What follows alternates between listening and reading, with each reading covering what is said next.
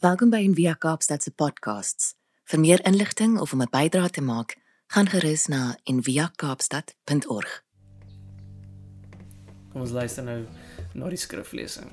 Sommige van die Sadduseërs wat sê dat daar nie 'n opstanding is nie, kom toe en vra hom, Jesus: "Meester, Moses het vir ons voorgeskryf dat as iemand se broer getroud is en kinderloos sterf, sy broer die vrou moet neem en vir sy broer 'n nageslag verwek." So was daar eenmal sewe broers. Die eerste een het 'n vrou geneem, maar kinderloos gesterf. Ook die tweede en die derde broer het met haar getrou. En net so, sonder dat hulle kinders nagelaat het, het al sewe broers gesterf.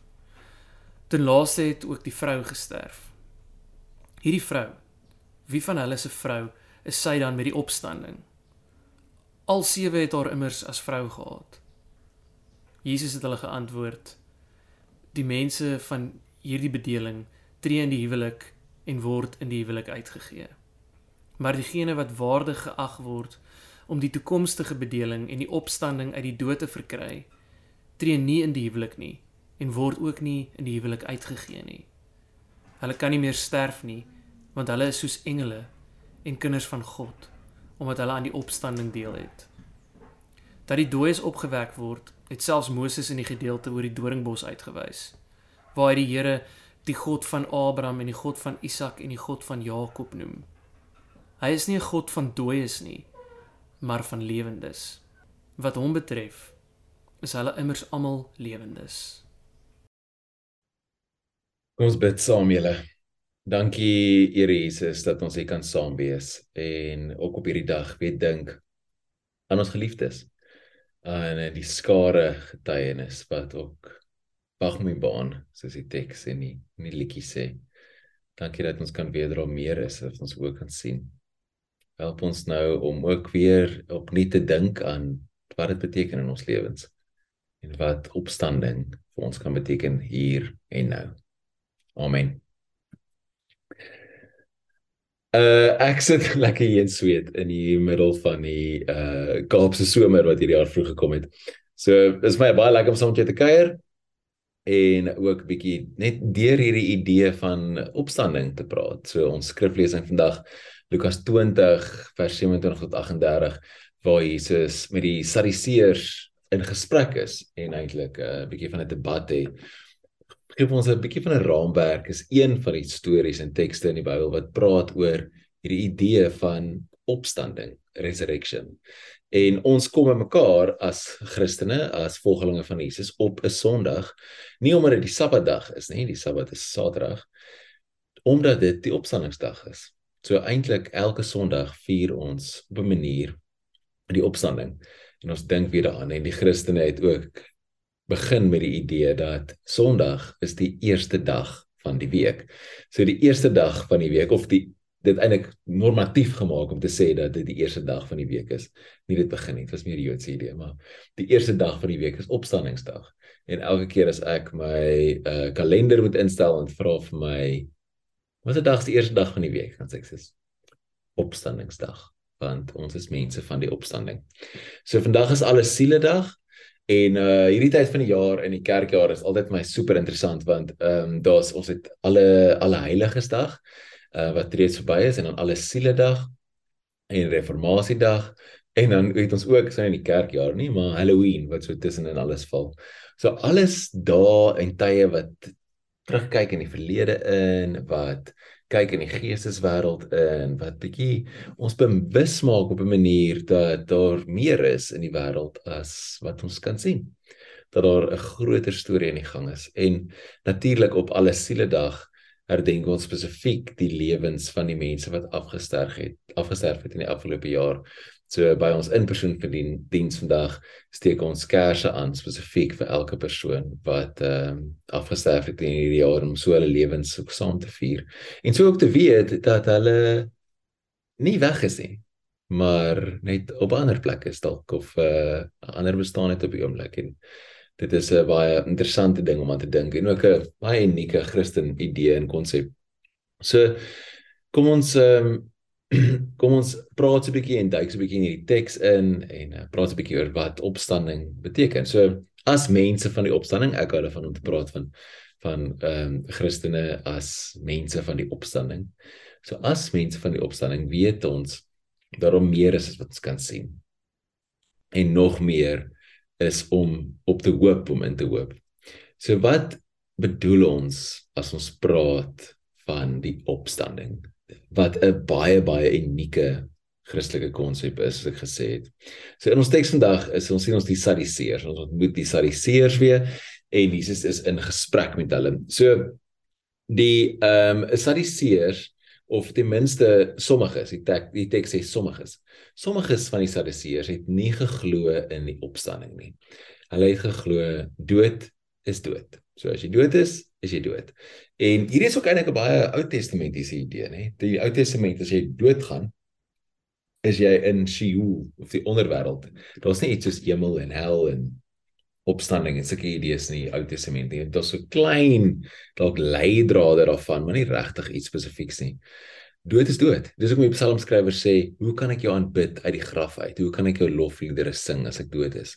Red my lewe." So hulle glo die lewe is dit waar jy God beleef terwyl jy leef en wanneer jy dood is, is jy op die meeste net soos 'n 'n geesie wat rondsweef. So volgens Josefus die groot historikus het uh die die Sadduseërs geglo 'n paar interessante goeders. Hulle het geglo daar's nie iets soos soos destiny nie of fate nie, die soos lot nie, die noodlot nie. Hulle het dit geglo, hulle het ook geglo dat God doen geen kwaad nie. So ehm um, in die Ou Testament is daar ook so 'n idee dat God beide goed en sleg doen, 'n baie kan 'n vroeë idee van hoe God is. Ehm um, die Sadduseërs glo dit nie. Die Sadduseërs glo mense het heeltemal 'n vrye wil, kan vry kies. Uh en die probleme wat jy ervaar is as gevolg van jou vrye wil, so iets wat ons ook baie glo. So en die groot ding wat hulle oor praat is dat die siel is sterflik. So jou siel en siel is 'n interessante woord in Hebreëus nefesh, dit beteken jou wese, nie net die Griekse idee is soos dis ietsie wat hier binne in jou is en dan gaan dit apart weg. Maar die Joodse idee is meer dit is jou hele wese, is jou siel in nefesh. So en hulle glo dit is sterflik. En daar is geen hiernamaals nie. So ehm um, en ook dan het hulle geglo daar's geen beloning of geen straf na die dood nie. So in hierdie gesprek wat ons hulle nou kry, probeer hulle Jesus vasvra. En hy ehm um, uitoorlê hulle dan natuurlik en dan bly hy staande aan die einde van die gesprek as soos die ware autoriteit.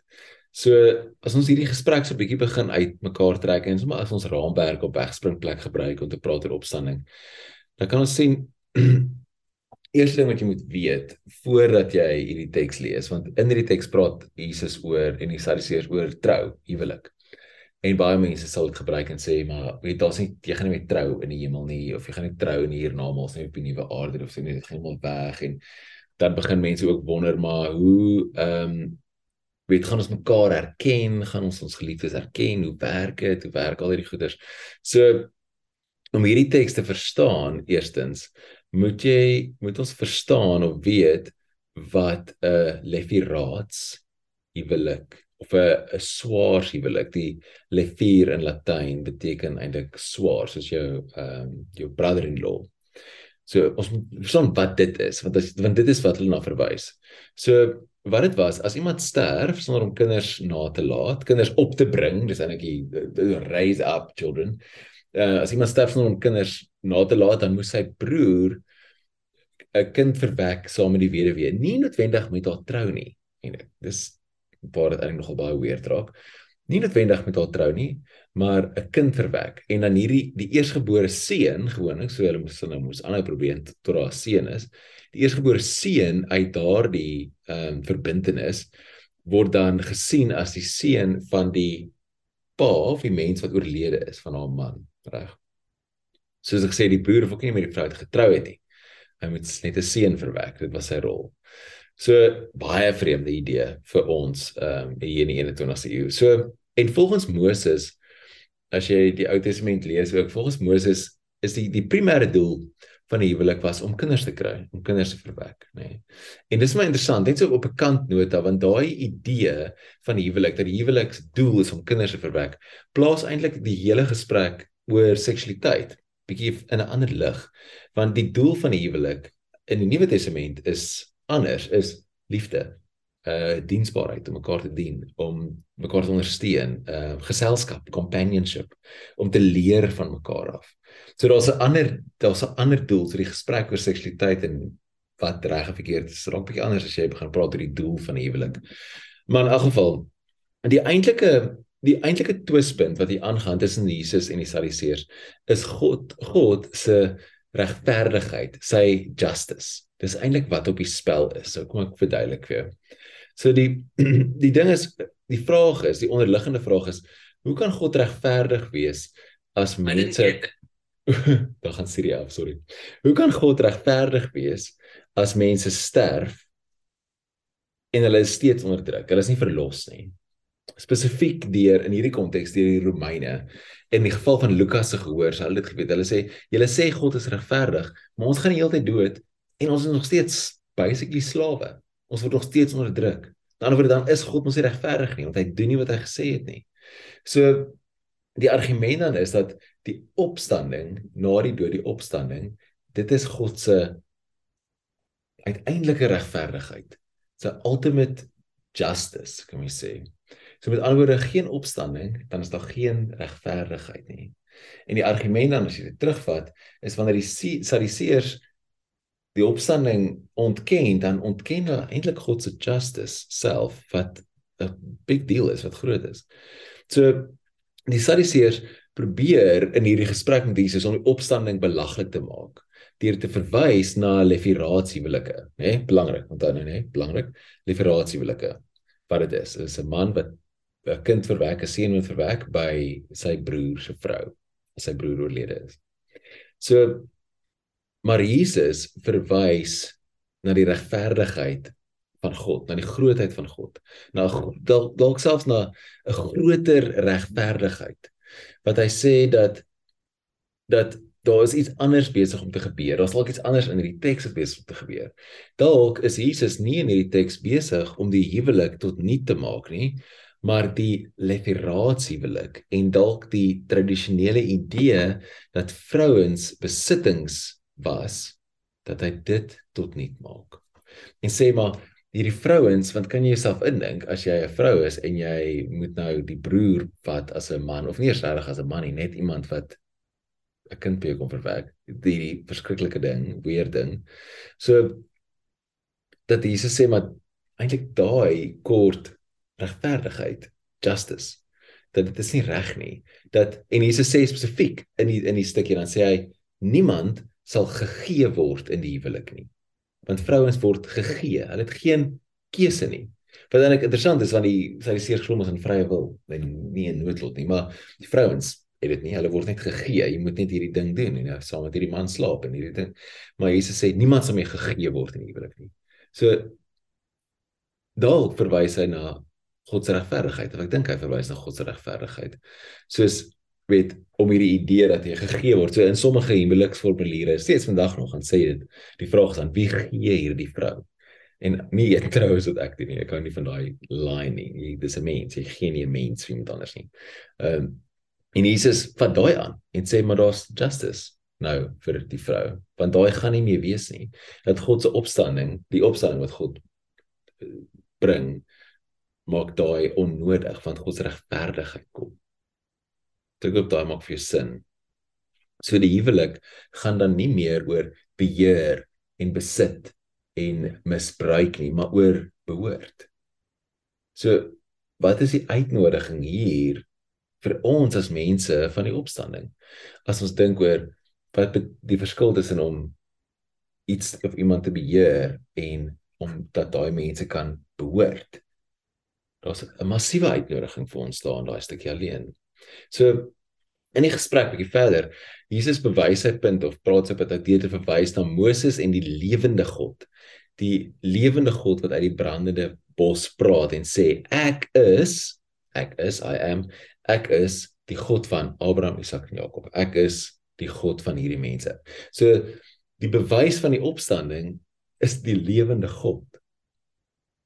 Die bewys van die opstanding is die lewende God self. En Jesus gaan verder en sê maar hy sê dan hy sê God van Abraham, Isak en Jakob. So Abraham, Isak, Jakob moet nog leef want soos ons lees in die Ou Testament, as jy dood is, dan kan jy nie meer aanbid nie. So daarom moet hulle nog lewe. Reg, so dis 'n baie baie interessante en 'n baie sterk argument. Die kontinuïteit tussen die Jode en die opstanding hierdie en daardie wêreld is God self. Die een wat die dood transcendeer die een wat groter is as die dood self. So wat is die opstanding? Ons het uh eh, N.T. Wright, die Nuwe Testament teoloog, skryf baie oor die opstanding in sy boek um Surprised by Hope, is seker een van my gunsteling boeke in die hele wêreld. Um die hy skryf in die boek hy sê what we have at the moment isn't as the old liturgies used to say the sure and certain hope of resurrection of the dead but a vague and fuzzy optimism that somehow things may work out in the end. So die ou liturgie was hierdie die seker ding wat jy sê ons het 'n hoop dat ons gaan opstaan uit die dood uit. En deesdae is daar soos hierdie funny optimisme. Wel ons dink almal is okay. Ons hoop dit kan werk uit. Daar's nie hierdie hierdie hoop en hierdie dryf vir die opstanding wat hierdie fantastiese ding is nie. En ek dink en ek glo dat daai is soos petrol in ons tank as mense van die opstanding, as mense van Jesus. Goed wat ons dryf om nou en hier te werk en te leef en ook uit te sien na iets soos dit. So die opstanding is 'n absolute radikale idee, resurrection, 'n radikale gebeurtenis. Ons ons sou die wêreld is so hierdie crazy idee dat ons sou kon werk, die wêreld sou kon werk met Jesus wat 'n mooi opgestane idee was in die disippels se harte en in hulle gedagtes. Reg, die wêreld sou sê, "O, dis van, weet, jy glo Jesus het opgestaan hier binne in jou, dis hoe jy dit beleef het." Die wêreld sou gewees het, "Reg, dis great, hè." Maar die wêreld kan nie 'n Jesus 'n Jesus hanteer wat uit die graf uitloop en God se nuwe wêreld begin vestig reg hier en nou in die middel van die ou een nie. Die wêreld het gesê, "Dis belaglik. Jy kan nie dit sê nie." Die opstanding is dus eerstens nie 'n metafoor nie. Dit is 'n fisiese reël ding. Hoe moeilik en hoe crazy dit is om te glo. Vir al die goed wat hulle kon uitdink. Om dit uit te dink is regtig nie die beste idee nie. En daarom is dit heel moontlik of ons glo dit is waar. Die opstanding is ook nie vals nie. Dis nie net 'n storie wat iemand uitgedink het nie. Die idee, daar's 'n idee in die wêreld dat Jesus nie regtig dood gegaan het aan die kruis nie, dat iemand hom net iets ingegee het sodat hy soos Juliet en Romeo en Juliet net soos dood gelyk en later het hy in die graf toe nou wakker geword en bygekom. En daai idee is vals nê want die disippels wat hom gesien het na die tyd het gesê hy is opgestaan. Hulle het nie gesê Hier is hier ou wat so half bedwelmd en gedrag is en stukkend geslaan is en ja, hy het so opgestaan na die dood uit. Dit is nie mense ken nie verskil tussen iemand wat gedrag was en iemand wat uh, stukkend geslaan is en iets wat anders is. Ehm um, en die Romeine het geweet hoe om mense dood te maak en seker te maak hulle is dood. En geen disipel sou gefop gewees het deur iemand wat net so of wakker word uit 'n bedwelmde slaap nie, reg? So die opstanding is nie 'n 'n volkspel nie. Dit is reël. Nou as ons praat oor die opstanding, wat maak ons? Wat maak ons met die hemel? So NT Wright skryf: Die hemel is belangrik, maar dit is nie die einde van die storie nie.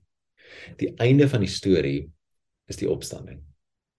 Is iets wat soos Jesus uitwys in Lukas 20, iets wat gebeur, iets wat anders is as wat ons nou ken. Die einde van die verhaal as ons in Openbaring lees, is ook hierdie idee van die hemel wat aarde toe kom, want hierdie is belangrik en 'n nuwe ruimte wat hier geskep word. God wat by sy mense kom bly. Dis nooit hierdie idee van 'n geesie wat ontsnap en iewers anders gaan bly en hierdie alles brand weg nie. Dis altyd die samevoeging en die herskep van alle dinge. Super super belangrik. En die hemel is deel van die storie, moenie 'n fout maak nie. En maar dit is nie die einde van die storie nie. So die opstanding is iets anders wat gaan gebeur. iets wat ander kategorieë het. Soos ons sien met Jesus opstanding in die in die verhaal waar hy verskyn aan mense en verdwyn en met mense praat en deur die mure loop en so goed, maar nog steeds 'n fisiese lyf het met waar hy sy wonde kon raak en waar hy vis eet en kos eet en alles is iets anders. So lyk dit wanneer iemand so ten volle mens is, so ten volle deel is van wie God is dat hulle hele liggaam herstel en weer opstaan uit die dood uit. Dis wat dit is. Die opstanding is ook nie net bloot onsterflikheid nie of immortality nie. Immortality nie. Dis nie net iets wat net aanhou. Soos dit nou is, dis presies soos dit, dis net vir, vir ewig. Ons gaan dit dis net vir ewig. Dis nie dit nie. Dis nie en is anders. En dit is juis die gesprek met die Sadduseërs. Hulle aanname is dat hierdie belaglike idee van opstanding is net soos net soos nou is, ons gaan net weer aanhou. Ons gaan net liberasie ek weer hou. Ons gaan net weer, maar hoe gaan dit nou werk? Want dis nou almal is immortal en hoe gaan dit weet soos hoe gaan dit nou werk maar as ons die hele samelewing net vat soos hy nou is en ons hou net aan dit dien vir altyd en niemand gaan dood nie. Maar Jesus se punt is dit is nie dieselfde nie. Want God se regverdigheid gebeur. Daar's 'n herstel in 'n en 'n maak van goeie soos dit veronderstel is om te wees, soos God se bedoeling aan die begin. So die gewone gebeurtenisse wat ons die aardse lewe mee meet, nê? Inseënings, doop, gradeplegtighede, trou, begrafnisse, daai goed is nie meer is nie meer nodig nie want die lewe loop nie meer so nie want dit lyk anders. Die Christen idee van die opstanding en hierdie is wat vir my so dit maak my so opgewonde gaan oor die die hele persoon. Nie net hierdie geesie of sielietjie of iets wat aanhou bestaan na die dood nie. Dit daar's 'n baie Griekse idee eintlik, nie 'n Christelike idee nie. En alhoewel daai idee vir ons baie troos bring en ek wil dit van niemand af wegneem nie, is dit heeltemal wat die Bybel bedoel nie. Ek meen dink so daaraan. As God stel belang nie net in hierdie onsigbare gees siel van jou nie. God stel belang in in jou in die hele jy. God bring die hele persoon terug. Maak die hele persoon heel. Dis massive. Dis 'n groot idee. 'n Persoon wat soos Paulus skryf wat dan gedryf word nie deur vlees nie, vleeslike begeertes en behoeftes en goeders nie, maar deur die Heilige Gees self. Beteken nie die persoon word 'n gees nie, beteken jy word gedryf deur die Gees volkome. En om so te dink aan ons geliefdes om te dink aan hulle wat heeltemal hulle self is gedryf deur die gees gemaak is nou soos hulle nog altyd veronderstel was om te wees dis amazing en fantasties dis baie anders om te sê die persoon wat jy verlief is bestaan as 'n siel of 'n geesie of so maar wel daai vir ons troos bring is dit vir my soveel beter en soveel mooier en meer impakvol om te dink aan want daai hele persoon leef en st staan by God en is by God en uh, word heel gemaak. Dis ongelooflik. 'n Hele persoon gedryf deur die gees van God self. Volkome hulle self soos God hulle bedoel het. Dit is opstanding. En nog verder, wat nog meer interessant is en nou regtig my opgewonde maak, daar's 'n kontinuïteit wat ons in die Bybel kan bespeer tussen wat hier gebeur en wat daar gebeur. Nou gebeur wat eendag gebeur. Paulus praat oor die werke wat jy gedoen het en dan brand daar klomp goed en net die goed wat goed was sal oorbly, regtig soos edelgesteente.